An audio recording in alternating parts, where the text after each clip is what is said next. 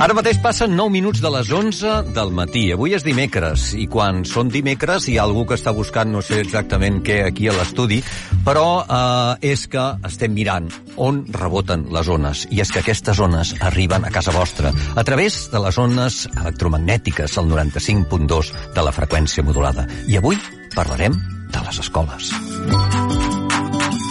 Perquè és dimecres, i perquè ho farem a partir del dia 19, en aquesta sintonia i en aquest matinal Prèmia Mèdia, el programa que t'acompanya des de les 9 i fins a la 1 del migdia. I abans de tenir els nois, noies de les nostres escoles aquí als nostres estudis, hi tindrem els responsables d'aquestes escoles o part d'aquests responsables d'aquestes escoles del nostre municipi, com són l'Escola Montserrat, l'Institut Escola Santana, l'Escola 6 i també, d'aquí uns instants, l'Institut de Premià de Mar. Per tant, la benvinguda als seus directors, directores. Adela Martínez, què tal, com estàs? Hola, bon dia. Benvinguda com a directora de l'Escola Montserrat i avui farem una mica el preàmbul de com serà aquest programa de les escoles, però també quina realitat ens hem trobat en aquest inici de curs. També està amb nosaltres la directora de l'Institut Escola Santana, Carme Florit. Què tal, com estàs? Bon dia, moltes gràcies. Doncs el Martí Sánchez, eh, estàs bé o... No, m'has dit moltes gràcies. Sí, ah, estic bé, bé, estic bé. Ah, Martí Sánchez, director de l'Escola 6, com estàs? Molt bé. Molt bé. Molt bé, gràcies. Doncs si estem tots tan bé, comencem ja a veure què ens hem trobat amb un curs que eh, la primera particularitat és que l'hem començat abans eh, dels cursos anteriors. Què ha suposat el fet d'aquest inici de curs eh, peculiar o singular? Que diuen que ve per quedar-se, eh, aquest, eh, aquest calendari. A veure, personalment... Comença l'Adela, eh? Sí, personalment crec que, que l'avançament del curs eh, a nivell de, de gestió d'escola, a nivell d'organització, hem anat una mica apretats aquests primers dies.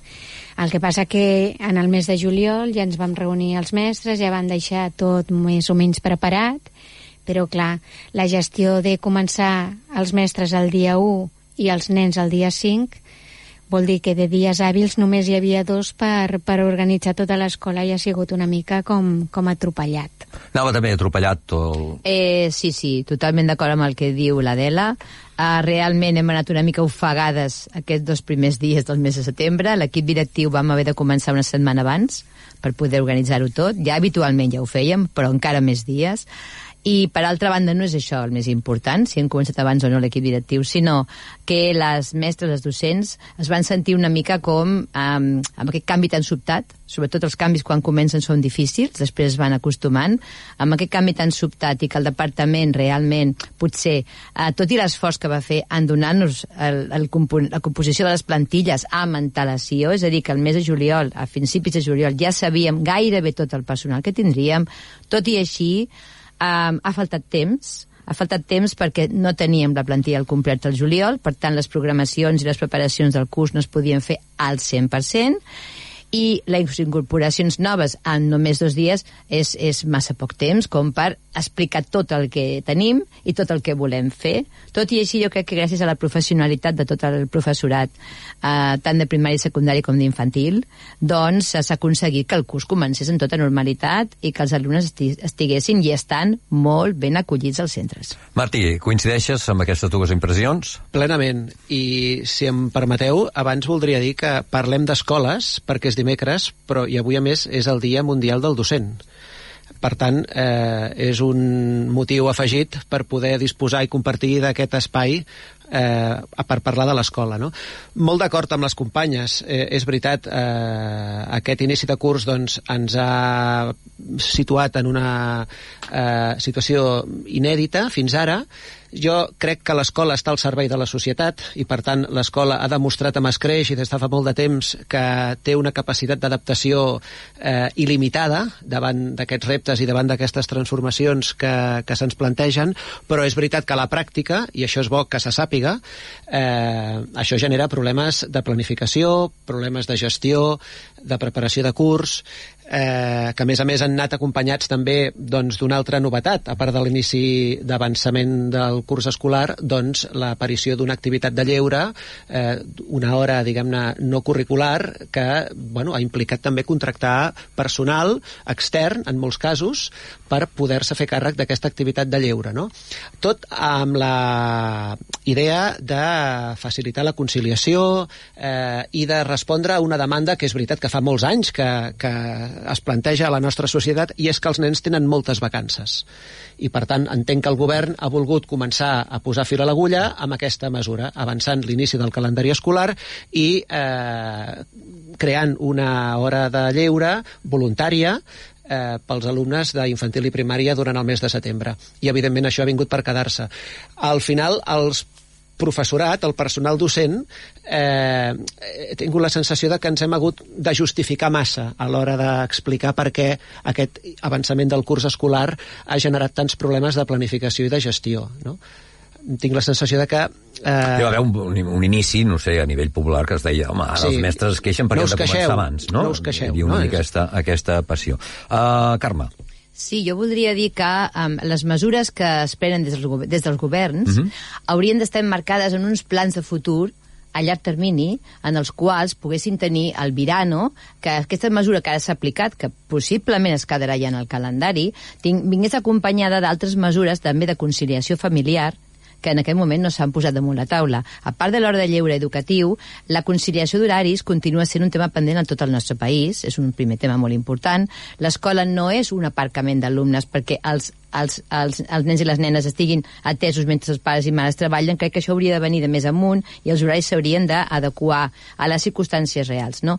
I per altra banda també hem de dir que el govern necessitaria també eh, dir-nos a tots nosaltres, a tots, a tots els equips docents, a totes les direccions, a totes les famílies, a tota la comunitat educativa en general, um, quina és la planificació del següent any, del següent any, del següent any, del següent any. És a dir, que veiessin que aquesta primera mesura de conciliació és la primera, però que de, seg de segona n'hi haurà una altra, que canviarem el calendari, per exemple, el mes de febrer i farem una setmana de vacances, o l'octubre, o, per exemple, enmig del, enmig del maig, com fan altres països europeus, que tenen les vacances escolars fragmentades. Hem de dir una cosa molt important. Els dies lectius, totals, són exactament iguals a tots els països de la Unió Europea. Dia amunt, dia avall.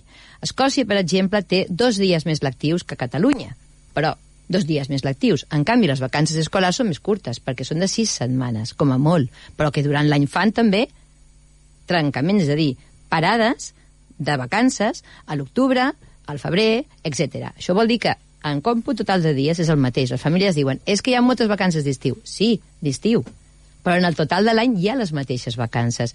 Com ho fem, això? És una qüestió normativa que va més amunt del marc educatiu només. A les escoles podem estar d'acord o no en començar abans. I, a més, nosaltres ens hem d'adaptar, com, diu, com m'ha dit el company, ens hem d'adaptar a la realitat i hem de ser estar al servei del públic, perquè nosaltres estem al servei de la societat, no estem eh, pensant que si tenim més vacances o en tenim menys. Això va ser una manera d'enfocar-ho, no?, que ens va perjudicar moltíssim. Un punt perversa va haver un moment, sí, no? Molt, moltíssim, no? I jo crec que aquest, aquest enfocament ens va negativitzar una, una qüestió que podia ser positiva. Després pot ser més o menys apresurat, diguéssim, massa, massa ràpid o massa poc planificat el fet que es va fer el lleure educatiu, havia de buscar contractar. Va haver moltes polèmiques que ens han perjudicat i que al final bé, ha anat bé, relativament, jo crec que l'estadística d'assistència a l'estat de lleure educatiu serà la xifra que ens farà pensar si ha valgut la pena o no ha valgut la pena. Hi haurà centres que sí, centres que potser direm l'alumnat hauria estat millor atès si haguéssim fet les classes normals, perquè haurien vingut tots, ha vingut un percentatge petit, ha vingut un percentatge alt, això ho ha de dir el govern, no ho hem de dir nosaltres, jo, jo sé els meus números,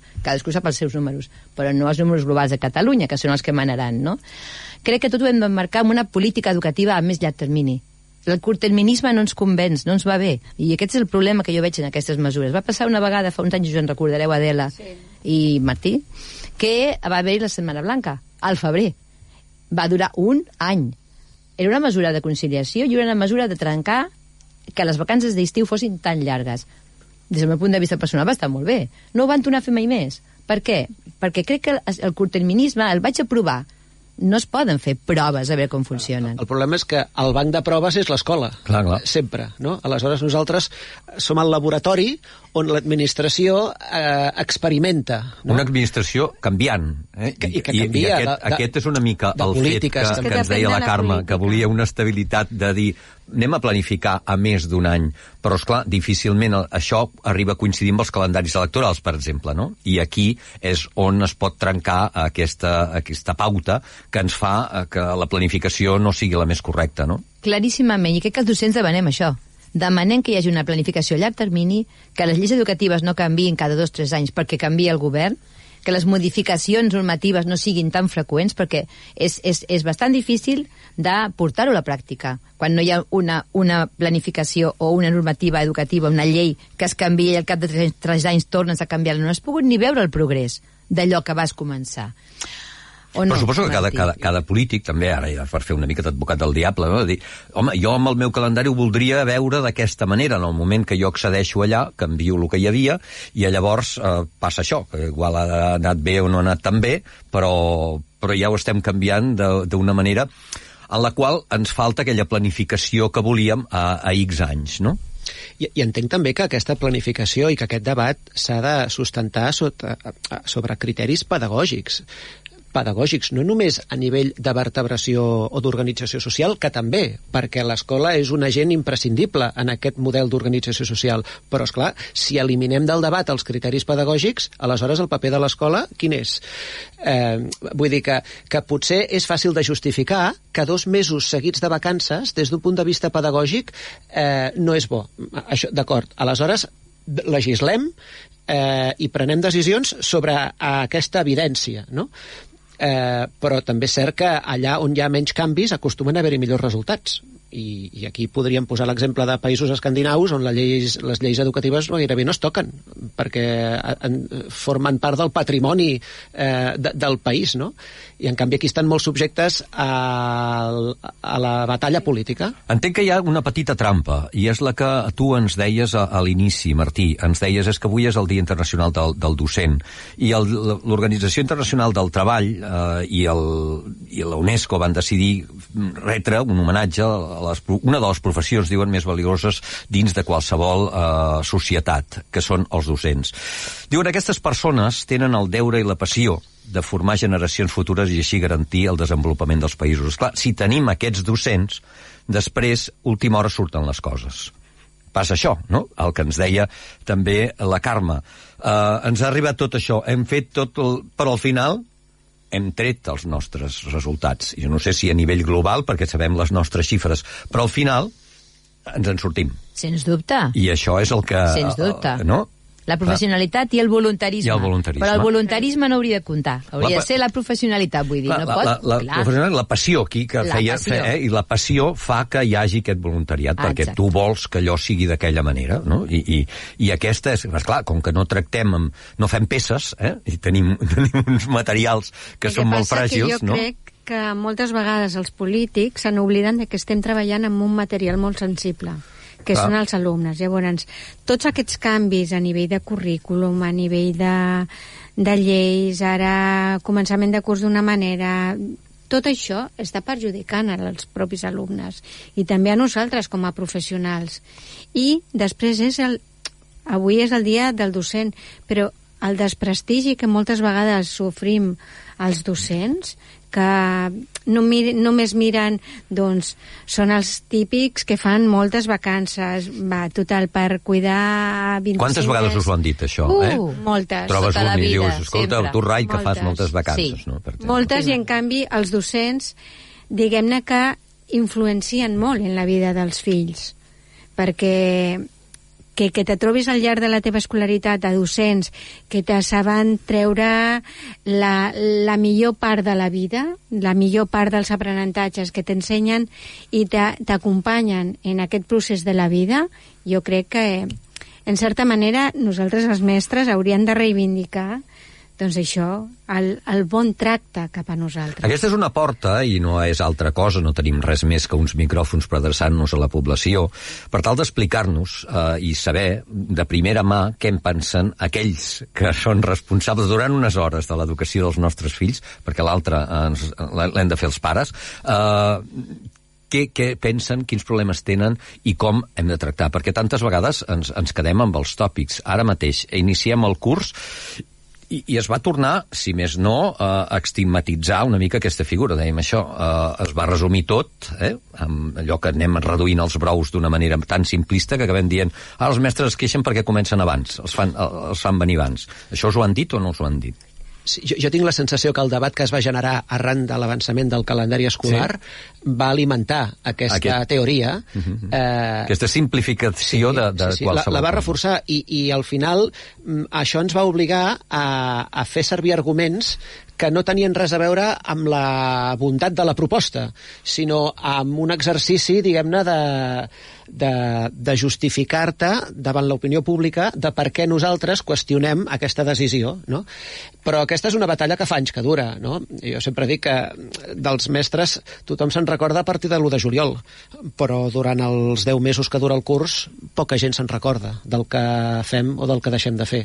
No, no hi ha aquesta col·laborador de les AMPAs, etc etc. cada cop em sembla no? que hi ha d'haver més implicació de pares, mares. Uh, realment és efectiva? Uh, uh, no? És molt circumstancial? Bé, és un camí la només? participació de les famílies al centre és, és essencial. És a dir, sense la participació de les famílies i de la comunió, diguem-ho així, uh -huh. de, la, mhm. de que anem tots perseguint el mateix objectiu, que és aconseguir que els nens i les nenes creixin i siguin persones i ciutadans i ciutadanes preparades per un món canviant, diguem-ho així, sense la col·laboració d'un pare, d'una mare, d'un tiet, una tieta, un avi i una àvia, això és impossible. És a dir, la família és el puntal, també, eh, que nosaltres acompanyem amb l'educació dels fills. Això vol dir que sí, que les associacions de famílies són essencials al centre, són bàsiques, són fonamentals. I també que les famílies vulguin venir a les nostres reunions, que vulguin participar, que vulguin participar a les aules, que vulguin venir a escoltar el que diem, i que quan hi ha un conflicte tinguin la capacitat, i nosaltres sempre ho demanem, de que, per favor, vingueu i pregunteu. Pregunteu primer què ha passat, pregunteu per què esteu en desacord, mirem de trobar una solució al problema que veieu, perquè segurament teniu una una part fragmentada de la realitat, de la, de la, de la informació. Sí. I sí, la família és fonamental. Però s'entén millor, no?, quan pots adreçar a les famílies i els dius, escolta, si ens trobem amb això, ara començarem abans, tindrem tot aquest calendari, eh, ens en sortirem d'aquesta manera, us demanem ajut també perquè us impliqueu. Jo que sé, no? Suposo sí, sí, que sí. aquest és el punt més important, sí. no?, aquesta relació, aquest contacte directe. Home, les famílies jo penso que són puntal per, per la per, la nostra, per les nostres escoles. Nosaltres, per exemple, com a escola, que som comunitat d'aprenentatge, ens considerem privilegiats perquè eh, les famílies són part integrant de l'escola. Poden entrar, poden fer grups interactius, poden treballar colze a colze, i això és un avantatge a tres bandes. Per als, per als propis pares poder entrar a l'escola i veure in situ doncs, el seu fill o la seva filla com, com es desenvolupa l'escola, els mestres perquè tenim un reforç extra i després per als propis alumnes que veuen que té significat l'escola i que és important, perquè si el seu papa o la mama entra dintre de la classe vol dir que això que estan fent és molt important.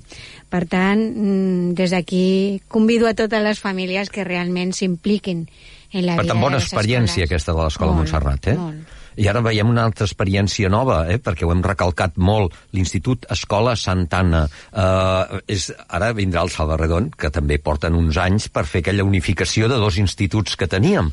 I, i ara comencem amb aquests instituts escola. Tornem amb el mateix. Si comencem un horari ho hem d'experimentar, si fem una fusió o anem a un institut escola, suposo que fins que no se'ns posa bé la cosa... I hi ha uns canvis eh? importants, eh? tant en l'horari, tant amb el professorat que arriba nou, tant amb, amb, amb el que s'ha d'ensenyar... Organitzativa, no? Organitzativament és, és, és, és, és diferent i, i, i és una, una, una volum de treball molt gran que l'assumim amb molta il·lusió. El fet de créixer, en el nostre cas, és un creixement. És a dir, els nostres alumnes de sisè, allò de marxar a l'institut, es van quedar a l'escola el curs passat i aquest any han continuat a segon de secundària, primer, segon, i arribarem fins a quart. Uh, és un guany? Sí, és un guany qualitatiu molt important, tant per les famílies com pels alumnes, perquè és un seguiment molt més gran, coneixes aquelles famílies i alumnes des de que són molt petits i tot el seu progrés acadèmic fins a dalt, eh, se suposa que ha d'ajudar i ajuda a que hi hagi molt menys fracàs escolar i molt més èxit educatiu, millor parlar d'èxit educatiu, és a dir, que l'èxit educatiu ha de pujar, ha de s'ha d'incrementar, i aquest seguiment més personalitzat és, és, es fa millor, crec jo, des d'un coneixement més profund de la família i també per l'alumne de l'entorn en el que està. Això no vol dir que no generin problemes, com a tot arreu, i disfuncions que es van solucionant en el camí. Eh, per exemple, a l'escola 6, el Martí també fa molts anys que tenen primària, sí. secundària. De 3 a 16 anys, sí, sí, que és un dels aspectes que les famílies també més valoren no? i més destaquen eh, el fet de poder escolaritzar els seus fills o filles en el mateix projecte educatiu... És que fa una mica de por, eh? Allò de dir, ara hauran de canviar. Als 12 anys, I esclar. llavors, si, si tens com una mena de garantia, de, de, de, no sé si és simplement per la seguretat dels pares i mares, eh? però sí que si dius, ja els tinc aquí, eh, sembla que aquell punt en el que han d'anar a un institut, un gran institut com és el, el que tenim a, a Premià de Mar, doncs impressiona una mica. També té els seus, les seves avantatges, sí. eh? I eh, així que arribi sí. el Salva Ah, ens ho pot vingui, ens ho- explicar. ens ho explicarà, I aquí segur. en els diferents programes que fem, eh, també abans de, de, de que s'acabi el curs, portem aquí alumnes que han de fer aquell canvi i realment doncs, hi ha aquella, primer aquella temença, però aquell acompanyament també d'altres que han anat. Però, en fi, suposo que tot plegat té les seves avantatges, també té moltes avantatges el fet que puguin arribar a, a una certa edat a la mateixa escola. Eh, sí, la, la, és, és, és l'etapa obligatòria. Mhm, Després del exacte. 16 és aquella etapa en la qual eh, has d'estar a l'escola, no pots, no pots deixar d'anar-hi. Després ja l'etapa postobligatòria ja és opcional, en cas que és desitjable que tots els alumnes facin una formació post, postobligatòria. Està molt clar, el nostre país, recordarem tots, està encara amb unes xifres inferiors a la mitjana europea de continuïtat en els estudis postobligatoris i això és l'aposta del govern que espero que es compleixi amb el temps de que fomentant una bona postobligatòria en formació professional Però en sembla que no acaba de- no acaba de- està ah, una tot anirà encallat, endavant, això, tot eh? anirà endavant. Es va ajustant l'oferta, també. Sí, sí, Sí. sí. és molt necessari que... Però, però el que és molt important és que abans d'arribar en aquesta postobligatòria l'alumne se senti molt ben acollit al centre, senti que allò és el seu objectiu, senti el que vol fer i sigui molt ben orientat perquè després pugui continuar estudiant. I jo crec que els centres, sense menys tenir els que fan només infantil i primària, perquè fins a fa dos dies nosaltres fèiem infantil i primària. No, nosaltres estaríem encantats també de ser un institut exactament. escola. Jo crec que l'escola que està... totes les escoles públiques. Exacte, escollida per ser institut escola, em, li ha tocat com, com un bé de Déu, no? És a dir, t'han donat un regal, no? És una feinada, però t'han donat un regal perquè és una, és una aposta de futur eh, molt interessant, realment. Molt interessant també el que estàs dient, perquè realment al final eh, surten coses positives, hem d'estar tranquils les famílies, perquè a vegades doncs, ens surten només allò, aquells petits fragments de dir, escolta, és que no tenim el finançament suficient, és que, i és clar, sí, passen moltes coses d'aquestes. El resum final és que ens en sortim, és que tirem endavant, és que els nens i nenes, nois i noies, eh, tenen una bona formació, que no patiu, avui, que és el Dia Internacional dels Docents, eh, hi ha moltes coses eh, que, que, que grinyolen i tot plegat, però al final tot s'ajusta, i tot s'ajusta amb l'esforç de tothom, eh, també. Sí, amb l'esforç a vegades una mica extra, Extra, de tothom, eh? Que, que aquí, aquí podríem dir també que és cert que falten recursos, perquè hem de dir que no. Vull dir, No, no, que sí, que sí. els hem de dir, s'ha de reivindicar el que fa falta. Per exemple, sabem que l'educació inclusiva que és tan important i que precisament és un dels, dels fonaments de l'èxit educatiu, és poder atendre l'alumne que necessita més, tant, tant per la franja que necessiten necessitats educatives especials, perquè els hi costa més seguir el, el que diem en anglès el mainstream, és a dir, l'educació formal més, més igual de tothom, com l'alumne que destaca per la franja alta perquè tenen una intel·ligència més gran o perquè tenen unes capacitats més grans. Això sí que és veritat que necessitaríem més recursos i que recursos són en forma, doncs, a vegades de vetlladores, persones vetlladores d'alumnes que ho necessiten, que necessiten tenir una persona al seu costat que els acompanyi i que ajuda tant a l'alumne com a tot el grup on està inserit aquest alumne, o persones de especialistes d'educació especial, orientadores educatives, um, esti- d'aquest tipus que als centres notem que ens fa falta. Algunes d'aquestes figures es van posar, a més a més, eh, arran de la pandèmia i que semblava que era una cosa puntual. Però no s'han o- o- mantingut. O, circumstancial. No, perquè la pandèmia ja no hi és. O sigui, si era circumstancial clar. o era estructural. Perquè si era estructural ja l'havíem de tenir abans de la pandèmia, no només Era conjuntural, pandèmia, no era estructural. eh, clar, dotacions Covid, que en els centres ens van anar molt bé Sí. per cobrir necessitats sobrevingudes, han desaparegut perquè ja no tenim situació de pandèmia. Però la realitat no ha desaparegut amb la fi de la pandèmia. El que vol dir que ja, ja es necessitaven, Clar, hi hagués o no, I, i, això, i perquè eh? per un centre educatiu és molt difícil funcionar mm, amb, amb una dotació menys. És a dir, quan te la donen, perfecte. De seguida l'aprofites, de seguida eh, la poses eh, en marxa, però quan te la treuen, això genera un daltabaix. No? I al darrere d'això hi ha uns decrets que el govern aprova el decret d'inclusió i aquests decrets, evidentment, s'han de poder aplicar amb els recursos necessaris. Si no, els decrets són paper mullat i, per tant, eh, un decret que no tingui la dotació eh, necessària És un brindis al sol. Exacte, e- és així, és així. I els qui ho constatem dia a dia, doncs fa poc vam compartir una reunió de direccions eh, aquí amb, amb la regidoria d'ensenyament de, de Premià de Mar i, i una de les qüestions en les quals totes les direccions dels centres coincidíem era en la necessitat de poder tenir més figures de vetlladors, vetlladores, TEIs, que puguin atendre més i millor aquesta diversitat que tenim a les aules i que és fruit també de eh, l'aplicació d'aquest decret. Mm, però, bueno... De totes maneres, a les escoles, encara que tinguis la dotació de vetlladora i TEI, Uh -huh. eh, les hores que donen són insuficients, perquè, per exemple, poden donar-te 29 hores de, de vetlladora, però si ho tradueixes entre tots els nens que necessiten aquesta vetlladora, a lo millor l'atenció per setmana et toca a 3,6 hores a la setmana d'atenció d'aquesta vetlladora. Sí, diuen, al Montserrat tenen vetlladora, és veritat, tenim vetlladora, o a la Lió... Què fa a la vetlladora? Una mica perquè ens La entenguin els que vetlladora- ens estan escoltant, n'hi ha qui té fills i a qui no, uh, i quan diuen vetlladora, què, què vol dir? Què vol dir teis? La, les TEIs són les tècniques en educació infantil i són les persones que ajuden a les mestres en P3. O sigui, quan els alumnes arriben a l'escola, doncs... Eh, Després de la llar d'infants Després de la llar d'infants, clar, són nens a lo millor que encara no, no tenen afiançada el tema de, del control d'esfínters o, o no són tan autònoms. Llavors hi ha la figura de la TEI que ajuda a aquestes mestres. La mestra pot estar fent classes, si un s'ha fet pipi, pues la TEI, la TEI és la fa- que sí, sí, acompanya. sí. O... Mhm. En canvi, una, una, Una vetlladora vetlladora. és una persona que acompanya els nens que tenen determinades necessitats especials, que tenen un dictamen, que són, que són nens que, que necessiten un acompanyament perquè tenen una conducta mm, disruptiva o perquè tenen determinats... A nivell percentual ens trobem amb, amb més, més nens amb, amb algunes singularitats d'aquest estil. Cada vegada hi ha més nens. O sigui, abans, uh, per exemple, els Ho nens dic que perquè, tenien... esclar, si, si hi ha un increment percentual d'aquestes afectacions, per dir d'alguna manera, necessitem també un complement extra, diguéssim, no? perquè, eh, perquè es puguin suplir totes aquestes... Jo quan vaig començar a treballar, per exemple, de nens autistes, com a molt tenies una a l'escola. Avui en dia, de nens amb, amb, autista, amb autisme, pots tenir 10, 12.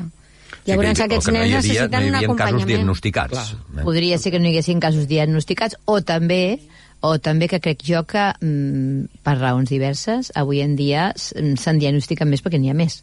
És a dir, No, no haver les dues coses, eh? Sí, o que no, sí. no, no ho miraven prou, diguéssim, eh? o, o bé, ara que ho analitzem, mm, veiem que n'hi ha més, Cada però és que resulta que la societat també crea eh, Sí. o fa que Aquests hi hagi perfils de- aquests perfils, no? I que, a més no a més, són perfils que no responen a cap prototipus de família. És a dir, Clar, clar. que no, No, té una no. explicació ni, ni dos ni tres, eh, que es donen en qualsevol entorn familiar i, per tant, clar, això fa que la realitat sigui molt més general eh, avui en dia eh, a totes les escoles. També hem de dir, hem d'afegir, que si pensem en l'escola del nostre país de fa 30 anys, la diversitat cultural era molt menor, és així, um, aquesta diversitat cultural ha pujat de nivell, hi ha, un, hi ha un increment de persones vingudes d'altres països, també de persones que venen a viure aquí per, per millorar les seves vides i que nosaltres acollim amb totes les seves possibilitats perquè puguin desenvolupar la seva personalitat com a nens i nenes.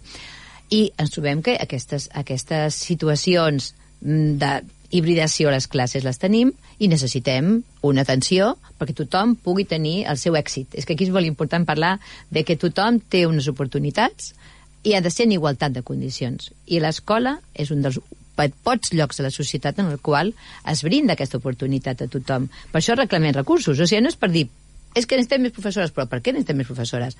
Perquè tenim un alumnat divers que necessita diversos acompanyaments i aquests acompanyaments no els podem donar en un grup gran, on tots estan junts i no podem especificar-ho, com ara avui en dia es diu, personalitzar tant. I en la línia del que diu la Carme, és veritat que eh, el model antic eh, presentava eh, la, la tasca de l'escola eh, d'una forma molt, molt simplista. És a dir, hi ha un mestre i 30 alumnes, i ja està. Clar, aquí hi ha un mestre, però a vegades necessitem dos, a vegades necessitem un suport. Dels 30 alumnes, aquests tenen unes necessitats específiques, aquests tenen unes altres, aquests necessiten sortir unes hores a fer reforç, aquests necessiten eh, un acompanyament especial. Eh, per tant, clar, la mentalitat que s'ha anat introduint dintre del debat pedagògic sobre els models d'aprenentatge també crec que ens acompanyen, perquè això ajuda a que la gent entengui que la classe, el, el model classe ja no és com el de fa 20 anys, que ara és més divers i és multifuncional, i que ja no hi ha algú que parla i els altres escolten, que tot això ha canviat. Eh, el professor a dalt d'una tarima i preguntant la lliçó, doncs això ja ha deixat al seu lloc altres models no? De- d'aprenentatge. Per tant, l'escola és un espai d'aprenentatge, és un espai de socialització, és un espai d'integració, i és tantes coses agradat molt, agradat molt, i em quedo, eh? M'ha quedat, quedat aquí gravat, me la guardaré, per tant, te la prec, te la manllevo, una frase que ha dit eh, la Carme, que diu cadascú ha d'aconseguir el seu èxit. I això és fonamental, eh? perquè, perquè esclar, el, estandarditzem l'objectiu i si llavors tots hem de ser de la mateixa manera o hem d'arribar allà mateix. Cadascú ha d'arribar allà on ell ha d'arribar i, i de vegades poden ser interessos divergents no? amb aquestes, aquestes qüestions i per tant no hem de jutjar amb el mateix, amb el mateix sedàs eh? Eh, i això és difícil eh? de- de- de- d'acabar Ha d'haver-hi- tots aquests estàndard. canvis eh? ara, Sí, sí. ara, ara Martí ens estaves explicant Sí. ja hauríem de veure però és que això ho tenim interioritzat i a l'hora de, eh, com que això ho compartim pares, mares i tot plegat el que nosaltres, pares, tenim interioritzat ens ho hem d'anar eh, eh, ens ho heu d'anar buidant vosaltres per portar-nos a la realitat també intueixo, no? Sí, sí, sí, sí, així és, és que és així. Passa que les proves, això no vol dir que no hagin d'existir unes proves estàndards, com existeixen, que també ajuden als centres a saber-nos situar on estem i que serveixen per una mica veure, veure com estem treballant, quines Però això són ens ho els fan a nivell resultats. europeu I això i ja ens ho fan, eh? I ja ens ho estan fent i això no ens hem de preocupar perquè ja ens ho I, fan. I crec que també és important una cosa, eh? Jo sóc partidari també de que si ens hem d'igualar, ens igualem per dalt i no per baix. Evidentment. Exacte. Home, i eh? tant, Perquè a vegades i tant sempre. sembla com si Sempre. haguéssim d'assumir que, que, bueno, que hem de fer dos passos enrere perquè tothom perquè ningú es quedi enrere. I dic, bueno, mm, potser sí, amb aquest alumne, amb aquest altre, amb aquest altre, escola inclusiva, però que la nostra aspiració és que aquest èxit personal permeti a tothom arribar tan lluny com pugui. Exactament. Eh, És de la frase. al seu ritme. Mm, això és així. O sigui, no ens quedem enrere, no és allò de dir, és que ara, ara hem, posat, hem posat la segona No, no. i ja no tirem El- el- més. No, no, no, no, no. El que vull dir és que Tenim perquè, set marxes, ara. perquè aquest alumne arribi a, aquí, tu no tens per què quedar-te on estàs. El que vull dir és això, Mhm. que aquesta diferència de ritmes d'aprenentatge no té que perjudicar a ningú a ningú, ni els que tiren ni els que no tiren. La qual cosa encara li dona més complexitat al Ah, fenomen. I per això necessitem tants reforços i, tantes i tant de personal i persones vetlladores i TEIs i TIS, que diria el que és, tècnica d'integració social, I ens, ens ho acabes de dir, TIS, tècnica. I a quin paper fèiem? Ara veiem aquests de P3, la, eh, i per, veiem també En, els, el en TIS. alguns centres de màxima complexitat, Sí? jo crec que aquí en el nostre municipi no n'hi ha cap, ni Premià de Dalt ni Premià de Mar. Ah, potser n'hi ha algun, que jo ara no sé. Potser m'acaben de dir que el Sant Cristòfol sí ho és. Mm. Són persones que són treballadores socials, Sí. que estan integrades al centre i que en unes hores a la setmana ajuden a certes famílies o donen unes orientacions socials directament al centre i en els alumnes també. I això és d'un gran suport. Clar, perquè clar, hi ha famílies que necessiten aquest acompanyament. I aquest acompanyament a les famílies també forma part d'aquest èxit. També. És una, és, una, és una de les parts més importants, perquè acabem de dir des del principi que les famílies i el centre mm. educatiu hem d'anar junts. I per anar junts hi ha famílies que necessiten molt més de suport que d'altres, i d'altres necessiten d'un altre tipus d'orientar en altres aspectes. Hem d'orientar tothom. La TIS en aquest aspecte és, és important. Nosaltres no en tenim, eh, de TIS. Ens agradaria, eh? però no en tenim. Molt bé, doncs escolta, fem una cosa, perquè resulta que aquí hem parlat, i aquesta era la voluntat eh, de l'inici de curs, de com a veure de manera amable, afable, que arribem a la població d'aquesta manera, però com que us havíeu preparat tota una colla de, de, de punts, home, no em deixaria ara de, de, de, de que els toquessin, com per exemple, de, uh, parlàveu de problemes de matriculació. Què ha passat a, a, a l'inici d'aquest curs, doncs? Jo N'hi crec hagut que, o- Jo crec que les escoles no han tingut gaires problemes de matriculació. S'ha de tenir en compte que Premià sempre ha sigut una població que tenim un degoteig de, de matrícula viva, Mhm, mhm. però jo crec que els problemes màxims que han tingut de matriculació ha estat en l'institut. Sobretot sí. per als, Llàstima no arribi a la salva, eh? Va dir que arribaria una mica graus. tard, però ens està arribant... per als Ah, graus, sí. perquè han estat tot el mes de setembre fent matriculació. Bueno, En això ara, cas, no. ara s'incorporarà també a l'Oficina Municipal d'Educació que possiblement doncs, ajudi a, a, aquestes, a aquestes qüestions més administratives. A, a, intueixo. Ara estàvem Ah, exacte. parlant molt més de, de, del que estàvem donant de manera electiva, sí, no? va haver algun alumne, evidentment, tots els centres vam tenir, que va arribar el dia 1 de setembre i vas trobar la matrícula i no tenies la llista preparada amb aquell alumne, però bé, això ha sigut uns casos puntuals, no van ser molt puntuals, sí, sí. Nosaltres no. Uh, sobre el tema de llibres... De Bé, avui en dia els llibres de text estan canviant. La, la subvenció. Sí, ah, parlem sí, de sí, subvenció. sí, sí, ah, sí, perquè anava sí, a sí. dir... Sí. Ara no entenia la pregunta. Sí, bueno, uh, No, era, era una d'aquestes qüestions, Sí. eh, dels... Sí, eh, jo, jo no sóc de, de, de Premià de Mar, jo, jo sóc de Badalona, però, mm. però jo sí que vull dir que el fet de que l'Ajuntament de Premià de Mar eh, ofereixi aquestes ajudes en forma de subvenció als centres és quelcom a, a destacar, a agrair i a valorar perquè jo no conec cap ajuntament, ni tan sols ajuntaments més grans que el de Premià de Mar, que ofereixin ajudes per aquest import, que representa, ara no ho recordo, un percentatge important del pressupost municipal. Uh -huh. eh, sí que és cert que aquest model de subvenció s'ha anat revisant i de cara al proper curs eh, es mm, replantejarà per tal de que sigui més efectiu i eficient per tal de combatre la segregació eh, escolar, no? Eh, que al final és això, no? El que ha de perseguir eh, aixugar desigualtats, eh, garantir oportunitats eh, i no el cafè per a todos, mm, malgrat que tothom paga impostos i per tant també és veritat que entenc que qualsevol veí o veïna de Premià de Mar pot demanar doncs, que també té dret a accedir a aquestes ajudes, no? etc. Però bueno, aquest és un debat que des del govern ja s'ha resolt, s'ha substanciat i això ha fet que de cara al proper curs les seves- les les seves- escoles Exacte. tinguem l'encàrrec de presentar projectes, projectes que responguin a uns criteris, que busquen doncs, reduir l'índex de segregació de Premià, no? I això, doncs, bueno, dèiem que potser també és una feina afegida per les escoles, haver d'elaborar, de preparar projectes, mm, pressupostar-los, eh, i a partir d'aquí, doncs, mm, bueno, intentar, doncs, això, atendre les nostres necessitats. Però crec que eh, el, el model de subvenció eh, escolar que hi ha a Premià de Mar eh, i que beneficia a escoles públiques i concertades, perquè totes ens dediquem al mateix llevat al marge de la titularitat, és mm, prou important com perquè es valori i perquè es tingui reconegut.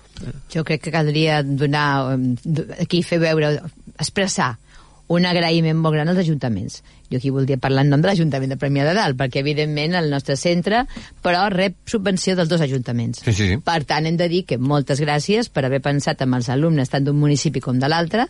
Cada ajuntament ho vehicula d'una manera diferent, però al final l'alumne o la família, diem, la família, eh, rep una subvenció econòmica no directa, sinó indirectament, és a dir, les quotes de que han de pagar són inferiors a les que haurien de pagar, i això tot, es facilita la vida a tothom i tothom n'està content. Sí que és veritat que potser cal canviar una miqueta el model i fer que la... evitar eh, que sigui més la subvenció cap a persones que més ho necessiten, però no vol dir que tothom no hagi de tenir una mica de subvenció, eh? Bàsicament hi han dues coses que tenim una mica el dret universal, no? la salut i l'ensenyament, Ah, exacte. que no per qüestió de si cobro més o menys, sinó pel sol fet de ser ciutadà he de tenir aquest accés a la sanitat i aquest accés a l'ense- a l'ensenyament. Si llavors, no ho sé, vull dir, es pot eh, sempre, sempre aquell que té més ha de pagar una mica més. això, Està això molt queda clar, clar, eh? però... exactament, però a través dels impostos podria ser. És que hi ha Exactament. països com Finlàndia, per exemple, o Suècia, o, o, o Estònia, que tenen ara mateix uns, alts, uns, uns nivells educatius alts, superiors al també. nostre, i té un pressupost molt alt en educació que ho cobreix tot.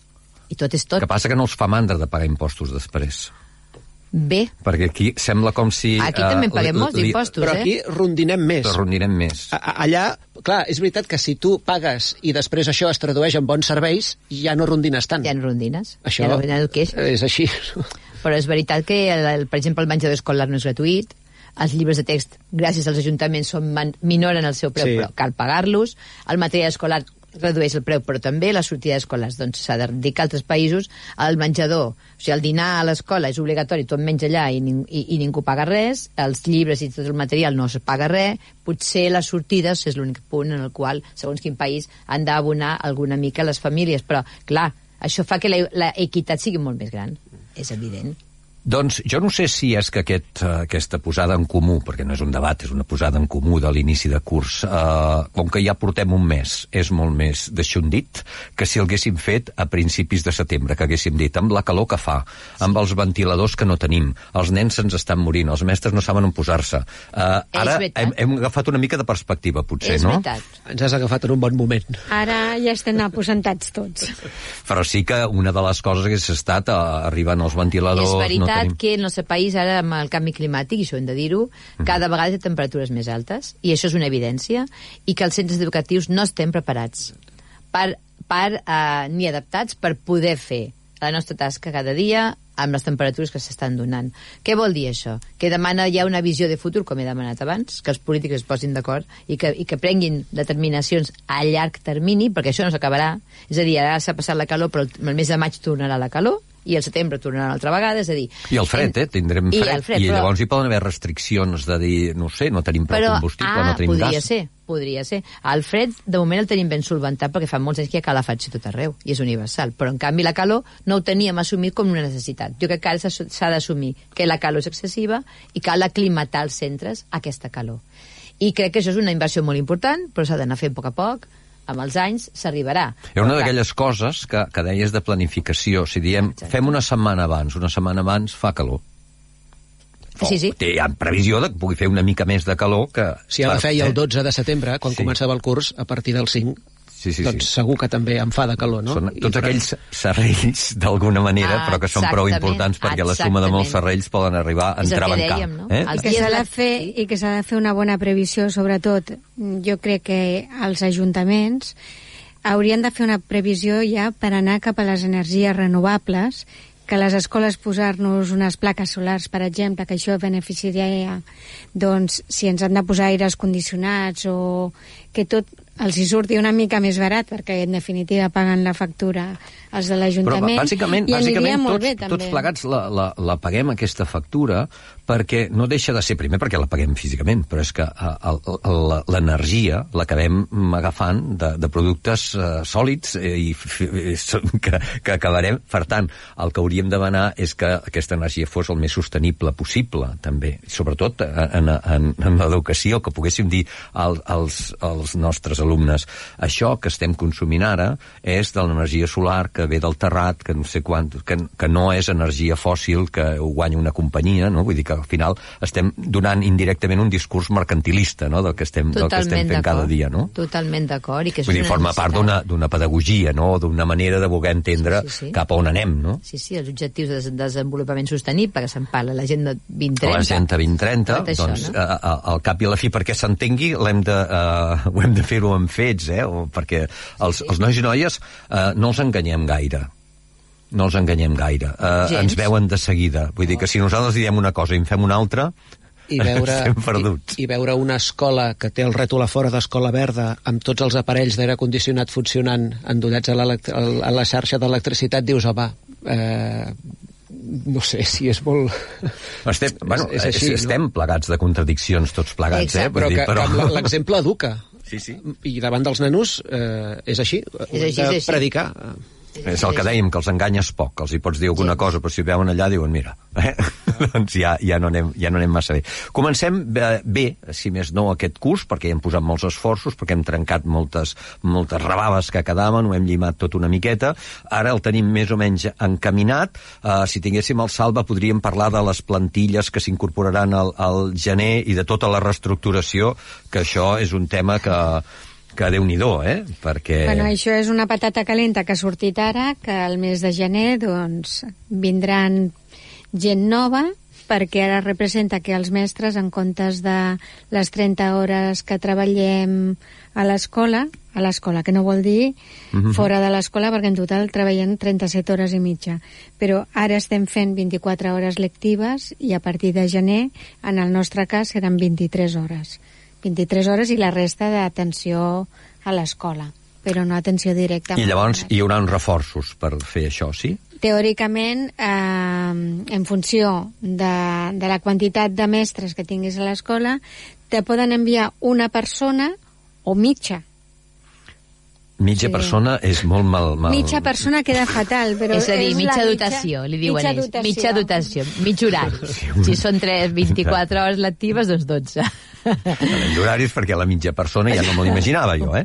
Això, això no passa exactament així a, a les concertades, no? No, Ah. no, perquè la conveni, càrrega diguéssim. lectiva també és diferent i, i, i bueno, aquesta dotació a nosaltres no ens afecta. Eh, també és veritat que si, no, no sé si el fet d'incorporar-se algú eh, farà que guanyeu eh, no, no sé, es tracta de fer un càlcul eh, A, a, però mig curs, a mig curs serà molt complicat, perquè, clar, una cosa és tenir... Més aviat ho entenc com organitzativament, Organitzativament serà molt complexa, complicat. no? Sí, serà complex. El que passa que...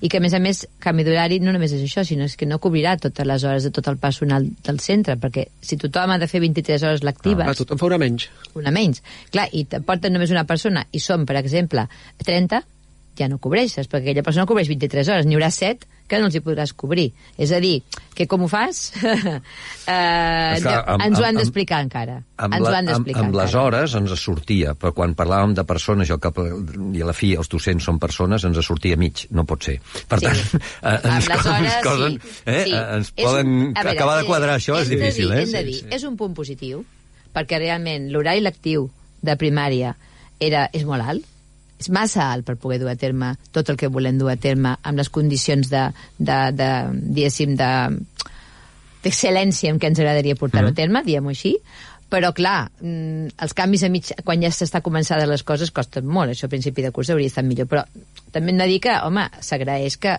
s'hagi reconegut que realment la càrrega lectiva era massa elevada, tant a primària com a secundària. Aquí jo voldria dir també que el departament, en aquesta mirada que m'agradaria a mi que els polítics tinguessin a llarg termini, que també pensés en que va haver una mesura que era que treballava per la equitat i que era molt bona, que era la sisena hora, en el cas de les escoles públiques de primària, que es va treure, perquè clar, els pressupostos doncs, van haver de retallar-se i, i el primer que van fer va ser dir aquesta sisena hora doncs, fora i continueu amb l'horari de 25 hores lectives a primària, que l'escola concertada té 30 hores lectives. No? I clar, això nosaltres reivindiquem, o com a mínim jo com a, com a docent o com a directora d'un centre docent, reivindico que crec que això hauria de recuperar-se. És a dir, que haurien els nostres alumnes de tenir el mateix horari lectiu que tenen els altres alumnes de l'escola concertada, perquè tots estem en el mateix sistema educatiu català, tots formem part del mateix sistema educatiu català, i per arribar a l'equitat de veritat, tothom ha de tenir la mateixa horari lectiu. Jo t'agafo la paraula, Carme, i diré que a mi m'agradaria que el professorat de la concertada tingués la mateixa càrrega lectiva que el personal docent de la pública, perquè tots formem part del mateix sistema educatiu. La sisena hora a la concertada la paguen les famílies eh, és l'activitat complementària. Uh -huh. És a dir, que la tenen perquè les famílies han de fer un esforç. Eh, tant de bo no l'haguessin no l'haguessin de fer. I tant de bo a la pública aquesta hora també hi fos. Que era eh, una mica el que, el que deia la Carme, eh? Arrodonim per alt. Clar. Arrodonim per alt. Arrodonim per alt. Si tenim aquesta que ens Exacte. l'hem de pagar perquè mm, la, així la volem i tot plegat, home, uh, fem-la universal. Exacte. Eh? No, no, no, no Exacte. baixem tots a 5, eh?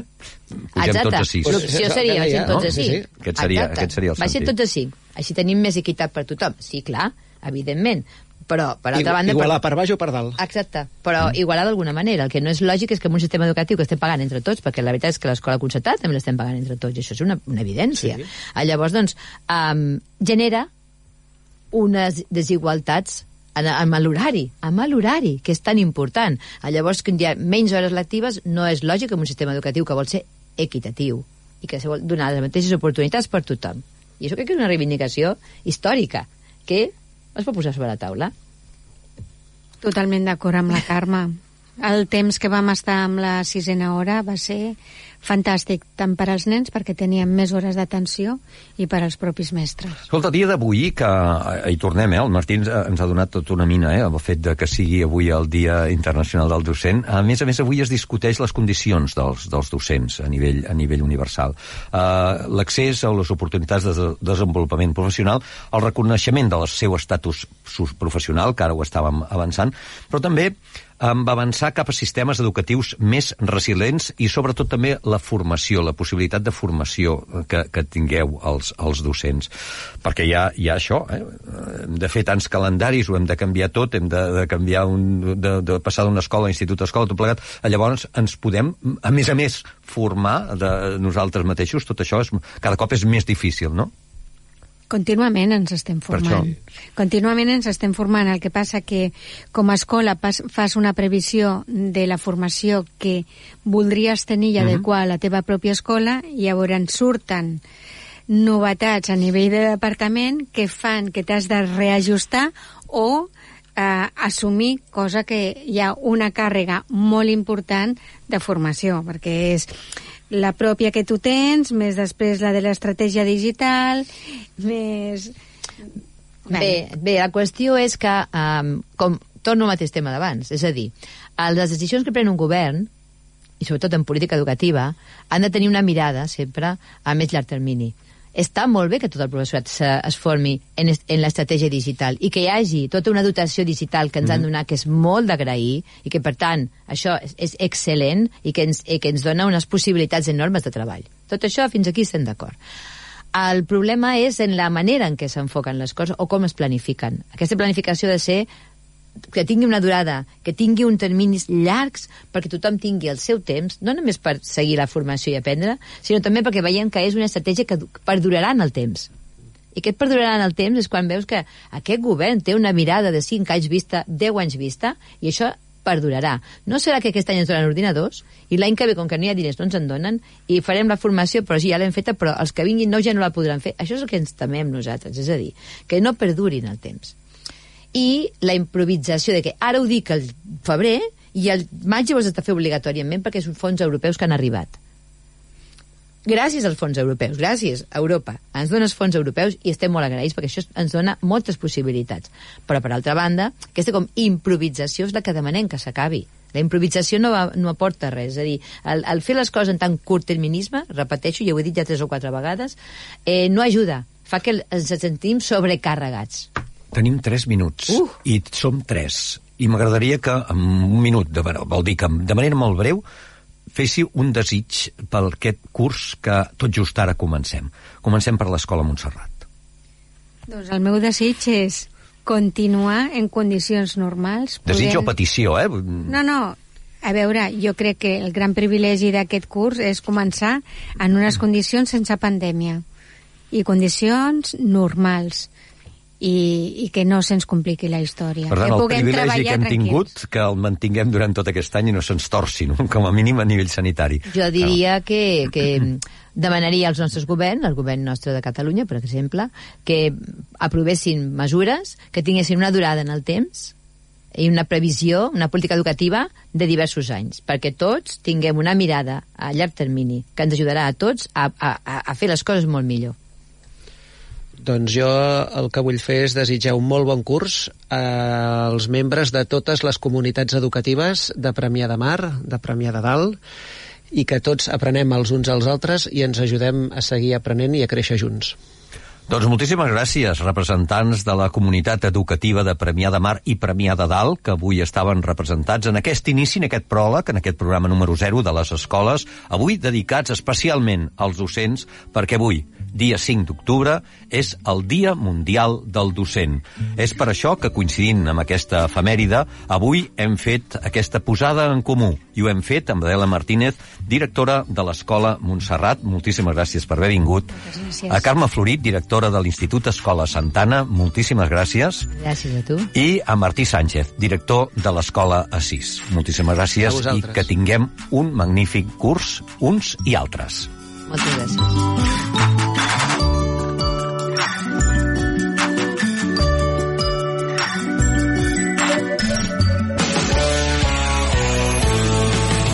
Premià Mèdia, la comunicació amb tots els sentits.